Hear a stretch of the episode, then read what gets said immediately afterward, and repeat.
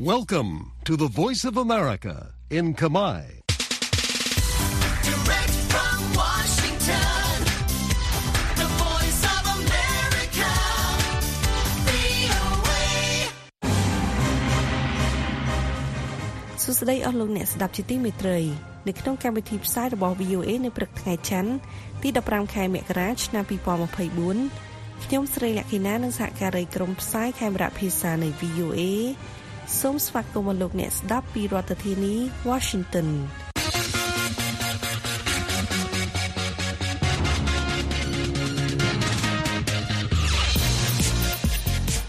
នៅក្នុងការផ្សាយរបស់ VOA ជាបន្តបន្តទៅនេះយើងមានសេចក្តីរាយការណ៍អំពីលោកឡាយឈឹងទេឈ្នះការបោះឆ្នោតប្រធានាធិបតីនៅតៃវ៉ាន់វេទិកាសេដ្ឋកិច្ចពិភពលោកក្រុង Davos បានបង្ហាញថាព័ត៌មានប្រឌិត គឺជាហានិភ័យសកលធំបំផុតនៅក្នុងឆ្នាំ2024 តែការបោះឆ្នោតបឋម Caucus នៅរដ្ឋ Iowa គឺជាអ្វីនឹងបទសម្ភាសន៍ VOA ជាមួយលោកអមសំអាតអំពីស្ថានភាពកម្ចីមីក្រូហិរញ្ញវត្ថុនៅកម្ពុជាតទៅទៀតនេះសូមលោកអ្នកនាងស្ដាប់សេចក្តីរាយការណ៍និងបទសម្ភាសន៍នេះដូចតទៅ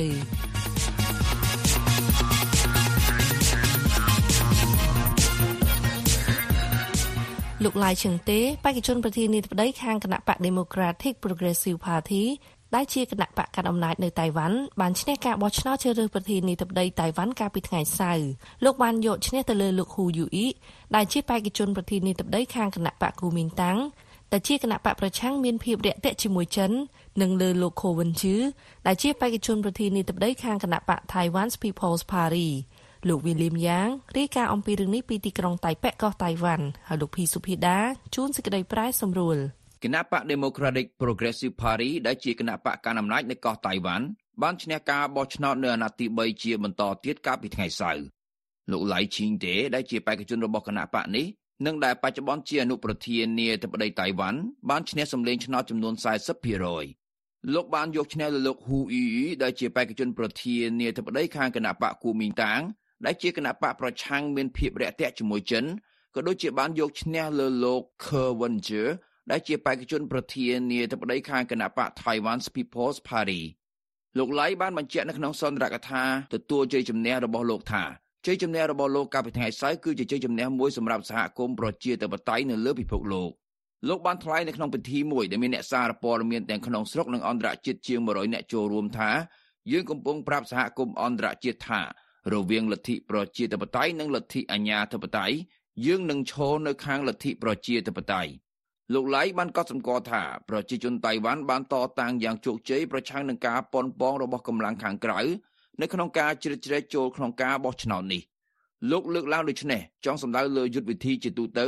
ដែលចិនបានប្រើក្នុងអំឡុងយុទ្ធនាការឃោសនាបោះឆ្នោតប្រធានាធិបតីតៃវ៉ាន់រាប់ខែមុនការបោះឆ្នោតលោកបានបញ្ជាក់ដូចនេះថាយើងជឿជាក់ថាមានតែពលរដ្ឋតៃវ៉ាន់ទេ ដែលមានសិទ្ធិក្នុងការជ្រើសរើសប្រធានាធិបតីរបស់ខ្លួនលោកឡៃបានបន្ថែមថា ដោយសារលោកនឹងបេក្ខជនអនុប្រធានាធិបតីអ្នកស្រីសៀវមេឈិនទទួលបានសម្លេងឆ្នោតច្រើនជាងគេនៅក្នុងការបោះឆ្នោតនេះមានន័យថាតៃវ៉ាន់នឹងបន្តដើរលើមាគ៌ាត្រឹមត្រូវឆ្ពោះទៅមុខលោកបានសង្កត់ធ្ងន់ថាយើងនឹងមិនដើរត្រឡប់ថយក្រោយឬមើលថយក្រោយនោះទេដោយបញ្ជាក់ជាថ្មីអំពីការបដិញ្ញារបស់លោកនៅក្នុងការរក្សាសន្តិភាពនិងស្ថិរភាពនៅទូទាំងច្រកសមុទ្រតៃវ៉ាន់លោកឡៃបានសម្ដែងនៅឆន្ទៈក្នុងការចូលរួមជាមួយចិន ផ្អែកលើមូលដ្ឋាននៃសេចក្តីថ្លៃថ្នូរនិងសមភាពលោកបាននិយាយដូចនេះថាយើងនឹងប្រើការផ្លាស់ប្ដូរយោបល់ជំនួសឲ្យការរារាំងប្រើកិច្ចសន្ទនាជំនួសឲ្យការប្រជុំមុខដាក់គ្នាហើយបន្តការពិភាក្សានិងកិច្ចសហប្រតិបត្តិការជាមួយចិនប្រកបដោយភាពជឿជាក់លោកហ៊ូខាងគណៈបកគូមីងតាងបានថ្លែងសន្ទរកថាបន្ទាប់ពីលោកបានចាញ់ក្នុងការបោះឆ្នោតនៅម៉ោង8យប់ម៉ោងនៅកោះតៃវ៉ាន់ដោយលោកបានសំទោសដែលលោកមិនអាចជួយគណៈបកគូមីងតាងឲ្យត្រឡប់មកកាន់អំណាចវិញ ប៉ុន្តែលោកបានសង្កត់ធ្ងន់ថាលោកបានធ្វើអ្វីៗគ្រប់យ៉ាងទាំងអស់ដែលលោកអាចធ្វើបាននៅក្នុងយុទ្ធនាការឃោសនាបោះឆ្នោតកន្លងមកលោកហ៊ូបានថ្លែងប្រាប់ក្រុមអ្នកគាំទ្រលោកដែលខកចិត្តថាខ្ញុំបានធ្វើឲ្យអ្នកទាំងអស់គ្នាខកចិត្តហើយខ្ញុំមកទីនេះដើម្បីសម្ដែងការសំទោសអស់ពីដួងចិត្តរបស់ខ្ញុំលោកបានអោនសំទោសចំនួន2ដងពីរដ្ឋធានី Washington ខ្ញុំ P សុភាដា VOA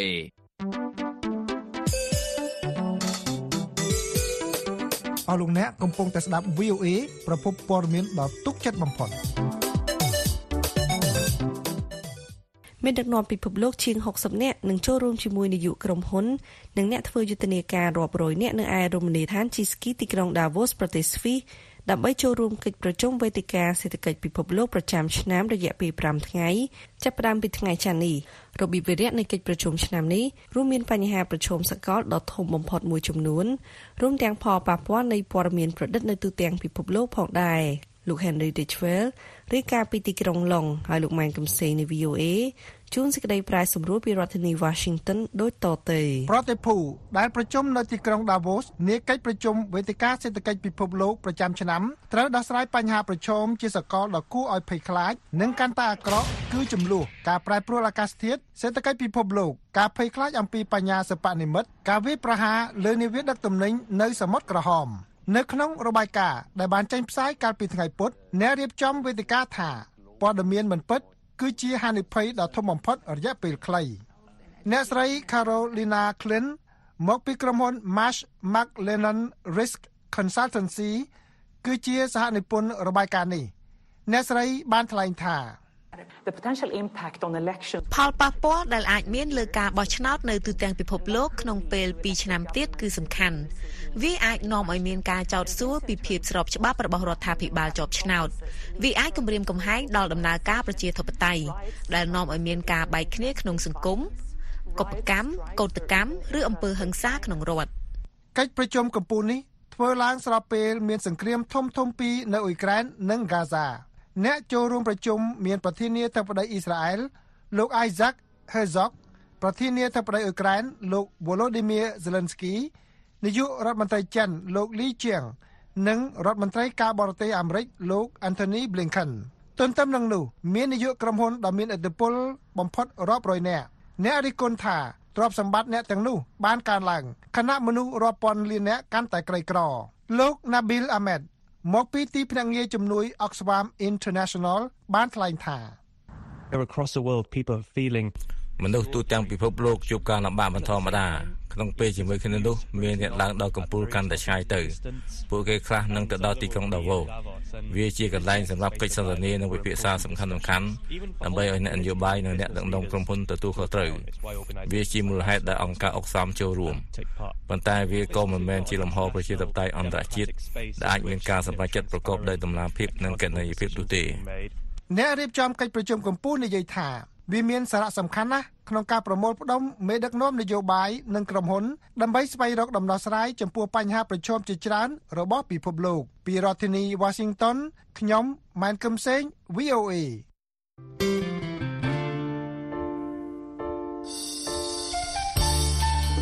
លោកអ្នកនាងកំពុងតែស្ដាប់ការផ្សាយរបស់ VOA សម្លេងសាររដ្ឋអាមេរិកពីរដ្ឋធានី Washington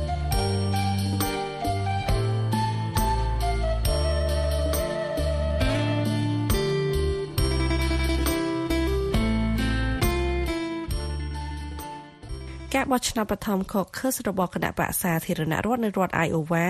នឹងចាប់ផ្ដើមនៅពាក់កណ្ដាលខែមករានេះដែលវាគឺជាកម្មវិធីទី1នៅក្នុងរដូវកាលនៃការបោះឆ្នោតប្រធានាធិបតីអាមេរិកឆ្នាំ2024នេះតើការបោះឆ្នោតបឋម Caucus នេះគឺជាអ្វីហើយតើវាមានឥទ្ធិពលយ៉ាងណានៅក្នុងការបោះឆ្នោតជាតិរបស់សហរដ្ឋអាមេរិកលោក Alex Chandler នៃ VOA បានពន្យល់អំពីរឿងនេះហើយកញ្ញាតុមលីជួនសេចក្តីប្រែសម្រួល នៅថ្ងៃទី15មករានេះរដូវកាលនៃការបោះឆ្នោតប្រធានាធិបតីអាមេរិកឆ្នាំ2024នឹងចាប់ផ្ដើមដោយមានការបោះឆ្នោតបឋម Caucus នៅរដ្ឋ Iowa បេក្ខជនមកពីគណៈបកសាធារណរដ្ឋមានដូចជា លោក Ron DeSantis អ្នកស្រី Nikki Haley លោក Chris Christie និងលោក Vivek Ramaswamy នឹងព្យាយាមទម្លាក់បេក្ខជននាំមុខបច្ចុប្បន្នគឺអតីតប្រធានាធិបតីលោក Donald Trump ដើម្បីក្លាយជាបេក្ខជនតំណាងបកសម្រាប់ការប្រជែងជាមួយប្រធានាធិបតីដែលកំពុងកាន់តំណែង គឺលោក Joe Biden នៅក្នុងការបោះឆ្នោតជាតិក្នុងខែវិច្ឆិកាខុសពីការបោះឆ្នោតបឋមការបោះឆ្នោតបឋម Caucus កើតចេញពីប្រជាជនជិតខាងប្រមូលផ្ដុំគ្នាក្រៅផ្លូវការដើម្បីពិភាក្សានិងកំណត់បញ្ហាផ្ទៃក្នុងរបស់គណៈបកហើយការប្រជុំបច្ចុប្បន្ននេះនៅប្រើដំណើរការស្រដៀងពីមុនខ្លះផងដែរសមាជិកគណៈបកសាធារណរដ្ឋនៃរដ្ឋ Iowa នឹងជួបគ្នានៅទីតាំងដែលបានកំណត់ដូចជាព្រះវិហារសាលារៀននិងផ្ទះឯកជន បេក្ខជននិងអ្នកតំណាងរបស់ពួកគេអាចថ្លែងសន្ទរកថានិងព្យាយាមបញ្ចុះបញ្ចូលអ្នកដែលចូលរួមដែលមិនទាន់សម្រេចចិត្តមុនពេលពួកគេបោះឆ្នោតដែលលទ្ធផលនោះនឹងត្រូវបានរាប់និងប្រកាសភ្លាមៗ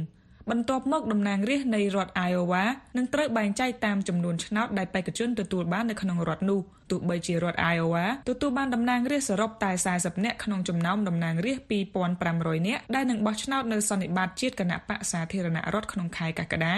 ការបោះឆ្នោតបឋម caucus នៃរដ្ឋ Iowa មានឥទ្ធិពលលើលទ្ធផលនៃការប្រកួតដោយសារវាជាព្រឹត្តិការណ៍ទី1នៅក្នុងការវិភាគបោះឆ្នោតបឋមហើយបេក្ខជនតែងតែដាក់ធនធានជាច្រើនដើម្បីធ្វើយុទ្ធនាការបោះឆ្នោតនៅទីនោះការផ្ដោតដ៏ខ្លាំងលើរដ្ឋមួយដែលមានចំនួនប្រជាជនតែ3លាន2សែននាក់ គឺចាក់ឫសនៅក្នុងប្រវត្តិនិងរចនាសម្ព័ន្ធដ៏ប្លែករបស់សហរដ្ឋអាមេរិករដ្ឋធម្មនុញ្ញមិនបានចែងច្បាប់គ្រប់គ្រងគណៈបកនយោបាយដែលជាអង្គការឯករាជ្យហើយអាចជ្រើសរើសបេក្ខជនរបស់ខ្លួនតាមវិធីណាក៏បានដែលស្របតាមផ្លូវច្បាប់ជាងនេះទៅទៀតប្រព័ន្ធសហព័ន្ធអនុញ្ញាតឲ្យរដ្ឋនីមួយៗមានការគ្រប់គ្រងលើការសម្រេចថាការបោះឆ្នោតរបស់ពួកគេនឹងត្រូវបានធ្វើនៅពេលណានិងដោយរបៀបណា ដូច្នេះហើយរដ្ឋតូចៗដូចជា Iowa និង New Hampshire បានដាក់ការបោះឆ្នោតបឋម caucus មុនគេដើម្បីលើកមុខរដ្ឋរបស់ពួកគេទោះយ៉ាងណាក្នុងប៉ុន្មានឆ្នាំថ្មីៗនេះយើងឃើញកំណើនការរិះគន់ថារដ្ឋទាំងនេះមានឥទ្ធិពលមិនសមាមាត្រគ្នាហើយមិនឆ្លុះបញ្ចាំងពីអ្នកបោះឆ្នោតចម្រុះរបស់ប្រទេសនេះ បន្ទាប់ពីបញ្ហាបច្ចេកទេសកាលពីឆ្នាំ2020គណៈកម្មាធិការជាតិនៃគណៈបកប្រជាធិបតេយ្យបានជប់ផ្ដោតសំខាន់លើការបោះឆ្នោតបឋម caucus របស់ខ្លួននៅរដ្ឋ Iowa ហើយបានលើកការវិភាគនៃការបោះឆ្នោតបឋមរបស់ខ្លួនក្នុងរដ្ឋដែលចម្រុះនិងធំជាងដូចជារដ្ឋ South Carolina ឲ្យកាន់តែឆាប់តែពេលនេះគណៈបកសាធារណរដ្ឋបានសម្រេចចិត្តថានឹងរក្សាទម្លាប់នេះនៅក្នុងវដ្តនៃការបោះឆ្នោតដែលពោពេញទៅដោយការវិវត្តដែលមិនធ្លាប់មានពីមុនមករួចទៅហើយ ពីបរិយាញូវយ៉កខ្ញុំទុំលី VOA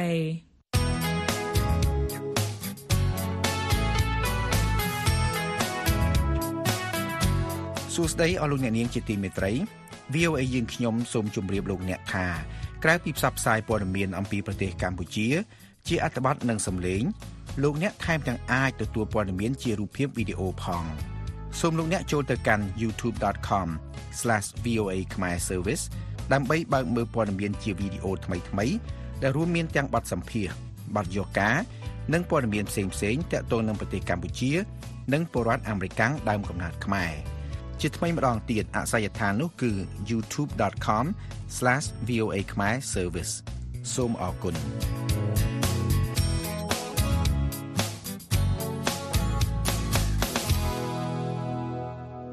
កាលពីកន្លងទៅអង្គការលីកាដូបានសិក្សាមួយចំនួនតាក់ទងនឹងកម្ចីមីក្រូហិរញ្ញវត្ថុនៅកម្ពុជា កាលពីខែសីហាឆ្នាំមុន អង្គការក៏បានចេញរបាយការណ៍មួយនិយាយអំពីហានិភ័យនៃបំណុលការសិក្សាស្រាវជ្រាវបែបបរិមាណនៃអ្នកជំពាក់កម្ចីខ្នាតតូចនៅខេត្តកំពង់ស្ពឺលោកអំសំអាតនាយកទទួលបន្ទុកកិច្ចការទូតនៃអង្គការការពារសិទ្ធិមនុស្សលីកាដូថ្លែងនៅក្នុងបទសម្ភាសន៍ជាមួយលោកសុននរិននៃ VOA ថា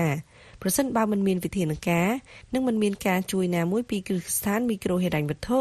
ឬក៏រដ្ឋាភិបាលនោះទេ បំណុលមីក្រូហិរញ្ញវត្ថុអាចមានហានិភ័យខ្ពស់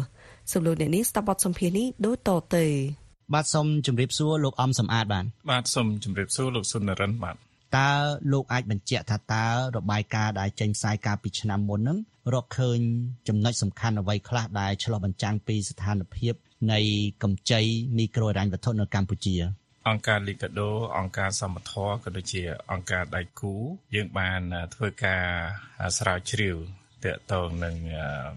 បំណុលមីក្រូហិរញ្ញវត្ថុនេះបើគិតតាំងពីឆ្នាំ2019មកដល់ឆ្នាំ2023គឺយើងបានចេញរបាយការណ៍ចំនួន5ហើយរបាយការណ៍នីមួយៗវាគ្រាន់តែខុសគ្នាថារបាយការណ៍ខ្លះ យើងសិក្សាយកគុណភាពដែលផ្អែកទៅលើបញ្ហានីមួយៗហើយចុងក្រោយនេះ នៅឆ្នាំនៅខែមិនិនាឆ្នាំ2023នេះគឺអង្គការលីកាដូនិងអង្គការសមត្ថៈយើងបានចេញរបាយការណ៍មួយដែលតអំពីការស្រាវជ្រាវដែលមានចំណងជើងថាហានិភ័យនៃបំណុលហ្នឹងហើយការធ្វើការស្រាវជ្រាវនេះយើងធ្វើការស្រាវជ្រាវជាបែបបរិមាណម្ដង ដោយសារមុនមុនមកយើងធ្វើជាបែបគុណភាពហើយការជ្រើសរើសយកខេត្តកំពង់ស្ពឺព្រោះខេត្តកំពង់ស្ពឺវាជាខេត្តចំណុចកណ្ដាលមួយនៃបំណុលមីក្រូហិរញ្ញវត្ថុហើយក៏ជាចំណុចកណ្ដាលមួយនៃចំនួនប្រជាពលរដ្ឋអញ្ចឹងបានយើងជ្រើសរើសយកខេត្តកំពង់ស្ពឺដើម្បីធ្វើការស្រាវជ្រាវបែបបរិមាណទៅលើបំណុលមីក្រូហិរញ្ញវត្ថុហើយក្នុងហ្នឹងគឺហើយយើងអង្គការ លីកាដូនិងអង្គការសមត្ថៈយើងបានជួលទីប្រឹក្សាជំនាញដែលផ្នែកស្រាវជ្រាវហ្នឹងគេគឺធ្វើការស្រាវជ្រាវហើយការស្រាវជ្រាវអឺទៅយើងរកឃើញបញ្ហាចំណុចសំខាន់សំខាន់ដែលជាបញ្ហាមួយចំនួនកើតចេញពីបំណុលមីក្រូហិរញ្ញវត្ថុហ្នឹងទី1បានន័យថាការលក់ដីដើម្បីធ្វើការសងបំណុល អញ្ចឹងការលក់ដីដើម្បីធ្វើការសងបំណុលនេះដោយសារតែអឺចំណូលរបស់គាត់ហ្នឹងมันអាចនឹងមានលទ្ធភាពក្នុងការសងបំណុលបាន ហើយមួយទៀតគឺគាត់អាចនឹងខ្ចីបំណុលឯកជនឬក៏មីក្រូហិរញ្ញវត្ថុផ្សេងហ្នឹងដើម្បីសងបំណុលទៅមីក្រូហិរញ្ញវត្ថុមួយអញ្ចឹងធ្វើឲ្យបំណុលហ្នឹងវាកើនឡើងច្រើនអញ្ចឹងគាត់ មិនមានអ្វីត្រត្រង់ក្នុងការសងបាន បង្ខំចិត្តនៅក្នុងការលក់ដី និងលក់ផ្ទះបាទហើយការលក់ដីសងបំណុលនេះគឺយើងរកឃើញដល់ទៅ6.1%ក្នុងរយៈពេល5ឆ្នាំចុងក្រោយនេះដែលគាត់លក់ដី ហើយបើយើងធៀបជាមួយនឹងរបាយការណ៍ស្រាវជ្រាវមួយរបស់ក្រសួង អភិវឌ្ឍនិងប្រតិបត្តិការសេដ្ឋកិច្ចអាល្លឺម៉ង់ដែលគេបានជួលវិទ្យាស្ថានអភិវឌ្ឍនិងសន្តិភាពនៅប្រទេសអាល្លឺម៉ង់មួយធ្វើការស្រាវជ្រាវនៅក្នុងឆ្នាំ2022ក៏រកឃើញថាពលរដ្ឋ6.2%បានលក់ដីដោយបង្ខំដើម្បីសងបំណុលនៅរយៈពេល5ឆ្នាំចុងក្រោយនេះផងដែរបាទនៅទី1ដែលយើងមានការព្រួយបារម្ភទី2តកតងនឹងពលកម្មកុមារ អញ្ចឹងចំណុចពលកម្មកុមារនេះគឺយើងរកឃើញថាកុមារមួយចំនួនបាទនៅក្នុងកំពង់ស្ពឺនេះចិត្តជាទូទៅរកឃើញចិត្ត9000នាក់ដែលត្រូវបានបោះបង់ការសិក្សាហើយក្នុងនោះគឺមានកុមារ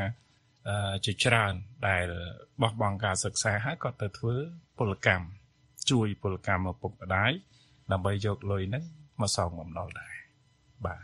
ហើយបញ្ហាទី3ដែលយើងរកឃើញជាចំណុចសំខាន់ដែរគឺ ការចំណាក់ស្រុកដោយអសវត្ថភាពបានន័យថា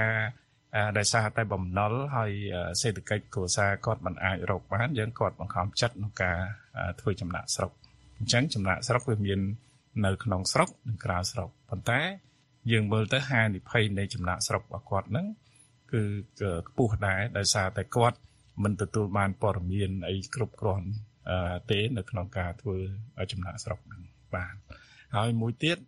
យើងមើលឃើញថាប្រជាពលរដ្ឋមួយចំនួនដែរដែលគាត់កាត់បន្ថយអាហារន័យថាការបរិភោគហ្នឹងដើម្បីសន្សំលុយទុកសងបំណុលអញ្ចឹងអានឹងវាសិតតែជាបញ្ហាព្រោះការកាត់បន្ថយម្ហូបអាហារធ្វើឲ្យគាត់នឹងខ្វះអាសារធាតុចិញ្ចឹមសរីរាង្គវាប៉ះពាល់សម្រាប់សុខភាពរបស់គាត់ណាបាទហ្នឹងគឺជាអ្វីដែលយើងរកឃើញដែរហើយមួយទៀតគឺរឿង ការគម្រាមកំហែងការបំផិតបំភ័យមួយចំនួន ពីមន្ត្រីអន្តរជាតិមួយចំនួនដើម្បីបង្ខំឲ្យគាត់លក់ដីឬក៏ខ្ចីពីបំណុលនេះបំណុលនោះដើម្បីសងមកខ្លួនអាហ្នឹងគឺយើងក៏បានរកឃើញនៅចំណុចនឹងដែរបាទអញ្ចឹងអាចំណុចនេះដែលយើងដាក់ថាហានិភ័យនៃបំណុលហ្នឹងគឺយើងមើលឃើញថាបើសិនជាមិនមានវិធានការមិនមានការ ជួយណាមួយពីមីក្រូហិរញ្ញវត្ថុឬក៏រាជរដ្ឋាភិបាលទេបំណុលមីក្រូហិរញ្ញវត្ថុនេះវាអាចនឹងមានហានិភ័យខ្ពស់បាទតើការសិក្សាដែលយើងយកខេត្តកំពង់ស្ពឺមួយហ្នឹងសម្ភារប្រជាពលរដ្ឋមួយចំនួនហ្នឹងតើមើលទៅអាចឆ្លោះបញ្ចាំងពីទស្សនវិជ្ជានៅទូទាំងប្រទេសបែបមិនដែរបើតាមក្រមអ្នកជំនាញគាត់ឲ្យជាយោបល់មកអឺបើសិនជាយើងធ្វើការសិក្សានេះដូចខ្ញុំបានលើកឡើងអញ្ចឹងយើងយើងយកខេត្ត ដែលជាមធ្យមបានន័យថាមធ្យមទាំងជំពាក់បំណុលមធ្យមទាំងចំណូលសេដ្ឋកិច្ចមធ្យមទាំងចំនួនពលរដ្ឋអញ្ចឹងបើសិនជាការសិក្សាស្រាវជ្រាវនេះទោះបីជាមួយខេត្តកំពង់ស្ពឺក៏ដោយក៏តាមអ្នកជំនាញថាបើគិតទៅជាទូទាំងប្រទេសគឺมันមានសភាពខុសគ្នាទេពីព្រោះបើយើងធៀបជាមួយនឹងការស្រាវជ្រាវមួយរបស់ប្រទេសអាល្លឺម៉ង់ដែលដែលប្រទេសអាល្លឺម៉ង់គឺគាត់ផ្ដល់វិនិយោគ តាមរយៈអឺរដ្ឋាភិបាលអាល្លឺម៉ង់តាមរយៈក្រសួងអភិវឌ្ឍនិងសហប្រតិបត្តិការសេដ្ឋកិច្ចអាល្លឺម៉ង់ហ្នឹងគឺមានការផ្ដល់វិនិយោគកម្ចីសម្រាប់មីក្រូហិរញ្ញវត្ថុនិងធនាគារមួយចំនួននៅក្នុងប្រទេសកម្ពុជា ហើយតាមការស្រាវជ្រាវរបស់គេក៏គេរកឃើញអត់ខុសពីអ្វីដែលអឺអង្គការសមត្ថៈនិងលីកាដូ រកឃើញនៅខេត្តកំពង់ស្ពឺដែរអញ្ចឹងខុសគ្នាតែមួយឆ្នាំទេបើនៅគេធ្វើការស្រាវជ្រាវ2022ហើយលីកាដូនិងសមត្ថៈយើងចេញនៅនឹងឆ្នាំ2023អញ្ចឹងគឺយើងមើលទៅវាប្រហាក់ប្រហែលគ្នាលោកអំសំអាតតើលោកមានជាទិន្នន័យខ្លះទេថាតើពលរដ្ឋខ្មែរប៉ុន្មានដែលដែលខ្ចីកម្ចីទាំងអាចថាធនាគារឬមីក្រូហិរញ្ញវត្ថុឬមិនមានទិន្នន័យអីពិតប្រាកដទេហើយថាតើបើយើងគិតពីកម្ចីជាមធ្យម មានការប៉ាន់ស្មានថាពលរដ្ឋម្នាក់ដែលគាត់ឬក៏មួយគ្រួសារឬក៏អ្នកដែលខ្ចីកម្ចីមួយហ្នឹងតើគាត់អាចខ្ចីក្នុងនឹងវងទឹកប្រាក់ប្រមាណដែរបាទចំណុចនេះគឺនៅឆ្នាំ2020 2020ដែលអង្គការ Liga-do និងអង្គការដៃគូដែលយើងធ្វើការស្រាវជ្រាវដែរនោះគឺយើងឃើញថា ចំនួនអ្នកខ្ចីនៅក្នុងឆ្នាំខែធ្នូឆ្នាំ2020ហ្នឹងគឺមានទំហំ2.8លានកម្ចីអានេះយើងគិតតែទៅលើអ្នកខ្ចីមីក្រូហិរញ្ញវត្ថុខ្នាតតូចទេព្រោះយើងស្រាវជ្រាវទៅលើខ្ចីមីក្រូហិរញ្ញវត្ថុខ្នាតតូចបាទកន្លងទៅរបាយការណ៍របស់អង្គការ Liga do សហការជាមួយអង្គការផ្សេងផ្សេងក៏ ត្រូវបានច្រានចោលដោយសមាគមមួយមានឈ្មោះថាសមាគមមីក្រូហិរញ្ញវត្ថុកម្ពុជា CMA ដែលជាសមាគមមួយមានសមាជិកជាមីក្រូហិរញ្ញគ្រឹះស្ថានមីក្រូហិរញ្ញវត្ថុនៅកម្ពុជាតើលោកមានការឆ្លើយតបខ្លីបែបម៉េចដែរលើករណីនេះបាទបាទទៅលើករណីនេះយើងឃើញថាទី1បើសិនជាយើងគិតថាជាធម្មតាទេសមាគមមីក្រូហិរញ្ញវត្ថុឬក៏មីក្រូហិរញ្ញវត្ថុ យើងទទួលស្គាល់ថាគាត់មានសិទ្ធិក្នុងការការពារខ្លួនប៉ុន្តែអ្វីដែលជារបាយការណ៍ដែលយើងធ្វើនេះវាជារបាយការណ៍ការពិតនៅក្នុងការស្រាវជ្រាវហើយនៅក្នុងនឹងយើងឃើញមិនមែនតែរបាយការណ៍របស់អង្គការ Liga do អង្គការសមត្ថៈដែលចេញទេសម្បីតែវិទ្យាស្ថានឯករាជ្យមួយរបស់អាល្លឺម៉ង់ដែលពាក់ព័ន្ធនឹងការផ្ដល់កម្ចីរបស់រដ្ឋាភិបាលអាល្លឺម៉ង់មកលើមីក្រូហិរញ្ញវត្ថុនិងធនាគារ ក៏គេធ្វើការសិក្សាស្រាវជ្រាវទៅរកឃើញបញ្ហាមិនសូវជាខុសគ្នាដែរបាទអានេះគឺជារឿងពិតដែលយើងរកឃើញអញ្ចឹងយើងជាអង្គការសង្គមស៊ីវិលយើងគិតថាបញ្ហាឆ្លើយដាក់គ្នាឬក៏ការដោះសារវាមិនមែនជារឿងដំណោះស្រាយទេ អ្វីជាដំណោះស្រាយយើងត្រូវតែស្វែងរកការពិតហើយនឹងយន្តការក្នុងការដោះស្រាយអញ្ចឹងហើយបានយើងឃើញថា កន្លងមកនៅក្នុងឆ្នាំ2022អង្គការ Liga do និងអង្គការសមត្ថៈក៏ធ្លាប់បានធ្វើជាតំណាងឲ្យជនរងគ្រោះមួយចំនួននៃកម្ចីមីក្រូហិរញ្ញវត្ថុហ្នឹងក្នុងការដាក់ពាក្យបណ្ដឹងទៅ ស្ថាប័នអនុលោមដោះស្រាយវិវាទសារជីវកម្មហិរញ្ញវត្ថុអន្តរជាតិរហូតទៅដល់គេធ្វើការ សិក្សាបន្ថែមស្រាវជ្រាវបន្ថែមហើយចុងក្រោយគឺគេសម្រេចក្នុងការធ្វើការស៊ើបអង្កេតទៅលើករណីបណ្ដឹងរបស់ជនរងគ្រោះនឹងលោកសំអាតពាក់ព័ន្ធនឹងរឿងប្រជាពលរដ្ឋគាត់ខ្ចីកម្ចីឲ្យมันបានជោគជ័យរហូតដល់លក់ដីលក់ផ្ទះសងគេយើងគិតថាมันបានជោគជ័យលោកមើលឃើញតើមានភាពមិនប្រក្រតីអីទេពីភាគីនៃអ្នកខ្ចីឬក៏អ្នកឲ្យ គេខ្ចីហ្នឹងគឺស្ថាប័នមីក្រូហិរញ្ញវត្ថុថាតើមានការសិក្សាអីត្រឹមត្រូវទេហើយពលរដ្ឋហ្នឹងបានសិក្សាខ្លួនឯងជីវភាពខ្លួនឯងចំណូលខ្លួនឯងត្រឹមត្រូវទេបានរហូតដល់ខ្ចីហើយពិបាកសងវិញបាទបញ្ហាទាំងអស់នេះដែលយើងធ្វើការស្រាវជ្រាវជាបន្តបន្ទាប់នេះយើងឃើញថាវានៅមានចំណុចបញ្ហាច្រើន យើងឃើញថាការសិក្សានិងការវិតម្លៃរវាងយើងហៅថាមន្ត្រីអន្តរជាតិ ខ្លះជាមួយនឹងអ្នកខ្ចីហ្នឹងវាហាក់ដូចជាមិនសមស្របជាមួយនឹងលក្ខខណ្ឌនៃការទទួលកម្ចីយើងរកឃើញថាពួកគាត់មួយចំនួនគាត់ខ្ចីលុយដើម្បីសង់ផ្ទះនិងជួសជុលផ្ទះអាហ្នឹងដូចជាមិនត្រូវក្នុងលក្ខខណ្ឌទេ ព្រព្រោះគាត់អត់បានយកអាលុយហ្នឹងទៅបង្កើនមុខរបរឬក៏បង្កើនការងារអីដើម្បីរកចំណូលទី2យើងឃើញថារាល់កម្ចីទាំងអស់វារឿងធ្ងន់ធ្ងរដែលដែលពាក់ព័ន្ធជាមួយការអាចប្រឈមមុខនឹងការបាត់បង់ដីធ្លីហ្នឹងដោយសារតារាល់កម្ចីទាំងអស់យើងសិក្សានេះយើងរកឃើញ92%នៅខេត្តកំពង់ស្ពឺហ្នឹងការខ្ចីគឺត្រូវដាក់បានកម្មសិទ្ធិ ប៉ុន្តែបើជាការសិក្សាទូទៅក្នុងប្រទេសតែម្ដងគេរកឃើញ95%ការកម្ចីហ្នឹងគឺដាច់ខាតត្រូវតែដាក់ទ្របធនាទ្របធនាហ្នឹងភាគច្រើនគឺបានកម្មសិទ្ធិបាទហើយកម្ចីមួយចំនួនទៀតគឺគាត់ខ្ចីដើម្បីយកទៅសេវាសុខភាពរបស់គាត់ទៅព្យាបាលទៅអីផ្សេងផ្សេងដែលវាមិនមែនជាការខ្ចីទៅដើម្បីបង្កើនចំណូលអីទេឬក៏ទៅពង្រីកមុខរបរអីទេហើយមួយទៀត គាត់ខ្ចីទៅគាត់ទៅទិញផ្ទះទិញសម្ភារៈដូចជាទិញផ្ទះទិញម៉ូតូទិញសម្ភារៈអីផ្សេងៗដែលវាខុសពីលក្ខខណ្ឌសិតតែជាហានិភ័យហ្នឹងហើយមួយទៀតគឺខ្ចីដើម្បីធ្វើការអប់រំអីចឹងទៅប៉ុន្តែមួយចំនួនតូចក៏យើងរកឃើញដែរថាគាត់ខ្ចីទៅគឺពង្រីកអាជីវកម្មមួយចំនួនតូចទៀតអាចនឹងធ្វើកសិកម្មប៉ុន្តែភាគច្រើនដែលយើងរកឃើញវាវាហាក់ដូចជា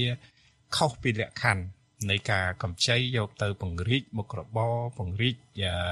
អឺសេដ្ឋកិច្ចគ្រួសារអីវាវាដូចខុសប៉ុន្តែចំណុចហ្នឹងដែលត្រូវការសិក្សាថាតើការវាយតម្លៃហ្នឹងវាយតម្លៃយ៉ាងម៉េចហើយខ្លះទៀតគាត់មានជាពាក់មីក្រូហិរញ្ញវត្ថុ1 2 3ឬក៏មានជាពាក់ដល់ឯកជនទៅទៀតប៉ុន្តែនៅតែអាចខ្ចីបាននេះដែលជាចំណុចមួយហានិភ័យ បើសិនជាយើងធៀបការសិក្សាស្រាវជ្រាវរបស់យើងយើងធៀបអាចំណូលទៅក្នុងគ្រួសាររបស់គាត់ជាមធ្យមជាមួយនឹងចំណូលនៅក្នុងការសងបំណុលខុសវាវាអាការសងបំណុលពុះជាងយើងឃើញថាគ្រួសារខ្លះមួយចំនួនហ្នឹងគឺសម្រាប់សងបំណុលលើស70%ទៅហើយបាទអញ្ចឹងវាហានិភ័យខ្ពស់ហើយខ្លះទៀតបានចំណូលមក គឺគាត់សងត្រឡប់ទៅវិញអត់គ្រប់ទេអាហ្នឹងហើយហានិភ័យនៃការបាត់បង់ដីធ្លីអញ្ចឹងលោកយល់ថាស្ថាប័នគ្រឹះស្ថានមីក្រូរ៉ែនវត្ថុត្រូវត្រួតពិនិត្យបញ្ហាហ្នឹងឡើងវិញព្រោះកន្លងទៅយើងឃើញថា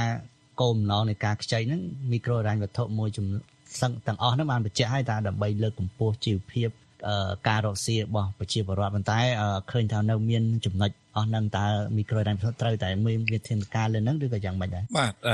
ចំណុចហ្នឹងហើយដែលយើង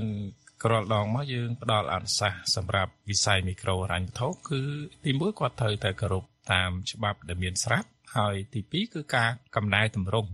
ទៅលើគោលនយោបាយរបស់មីក្រូហិរញ្ញវត្ថុឬក៏ធនាគារហ្នឹងឲ្យស្របទៅតាម គោលការណ៍នៃធនាគារអភិវឌ្ឍទៅតាមគោលការណ៍សាជីវកម្មហិរញ្ញវត្ថុអន្តរជាតិឬក៏គោលការណ៍ផ្សេងផ្សេងទៀតដែលកុំឲ្យមានការរំលោភបំពានទៅលើសិទ្ធិមនុស្សអញ្ចឹងក៏ត្រូវតែមានការត្រួតពិនិត្យឲ្យបានច្បាស់លាស់ថាតើមន្ត្រីអនុទានឬក៏គោលការណ៍ហ្នឹងត្រូវមានការកែប្រែយ៉ាងម៉េចដើម្បីកុំឲ្យអាការខ្ចីហ្នឹងទៅអឺវាវាអាចនឹងខុសទិសដៅតែកាលណាខុសទិសដៅហានិភ័យ វាអាចនឹងកើតមានមើលហានិភ័យមិនមែនថាយើងថាហានិភ័យខ្ពស់ហើយសម្រាប់អ្នកខ្ចីប៉ុន្តែក៏ហានិភ័យសម្រាប់មីក្រូហិរញ្ញវត្ថុនិងធនាគារនឹងដែរបើសិនជាពលរដ្ឋអត់មានលុយសងត្រឡប់អញ្ចឹងបើនេះទេវាអាចនឹងវិធានការផ្លូវច្បាប់ដូចជាការប្តឹងទៅតុលាការដើម្បីរឹបអូស ទ្រព្យសម្បត្តិដើម្បីសងលក់ឡាយឡង់សងបំណុលអីអានឹងសិតតែជាភាពមិនល្អទេបើយើងនិយាយចំពោះមីក្រូវ៉ាន់ថូឬក៏ធនាគារនោះបាទសូមអរគុណលោកអំសំអាតដោយសារពេលវេលាយើងអស់ទៅហើយខ្ញុំបាទសូមអរគុណនិងសូមជម្រាបលា បាទសូមជម្រាបលា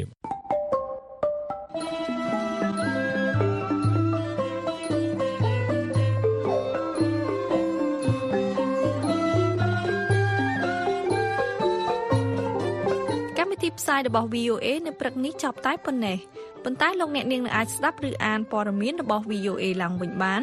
តាមរយៈគេហទំព័រ khmae.voanews.com សំឡេងអ្នកនាងរងចាំស្ដាប់ការផ្សាយបន្តផ្ទាល់របស់យើងខ្ញុំនៅរាត្រីនេះពីម៉ោង8:30នាទីដល់ម៉ោង9:30នាទីតាមរលកវិទ្យុ 25m ត្រូវនឹងកម្រិត11695និង1575 kHz សំឡេងអ្នកនាងប្រកបដោយសុភមង្គលគ្រប់ប្រការ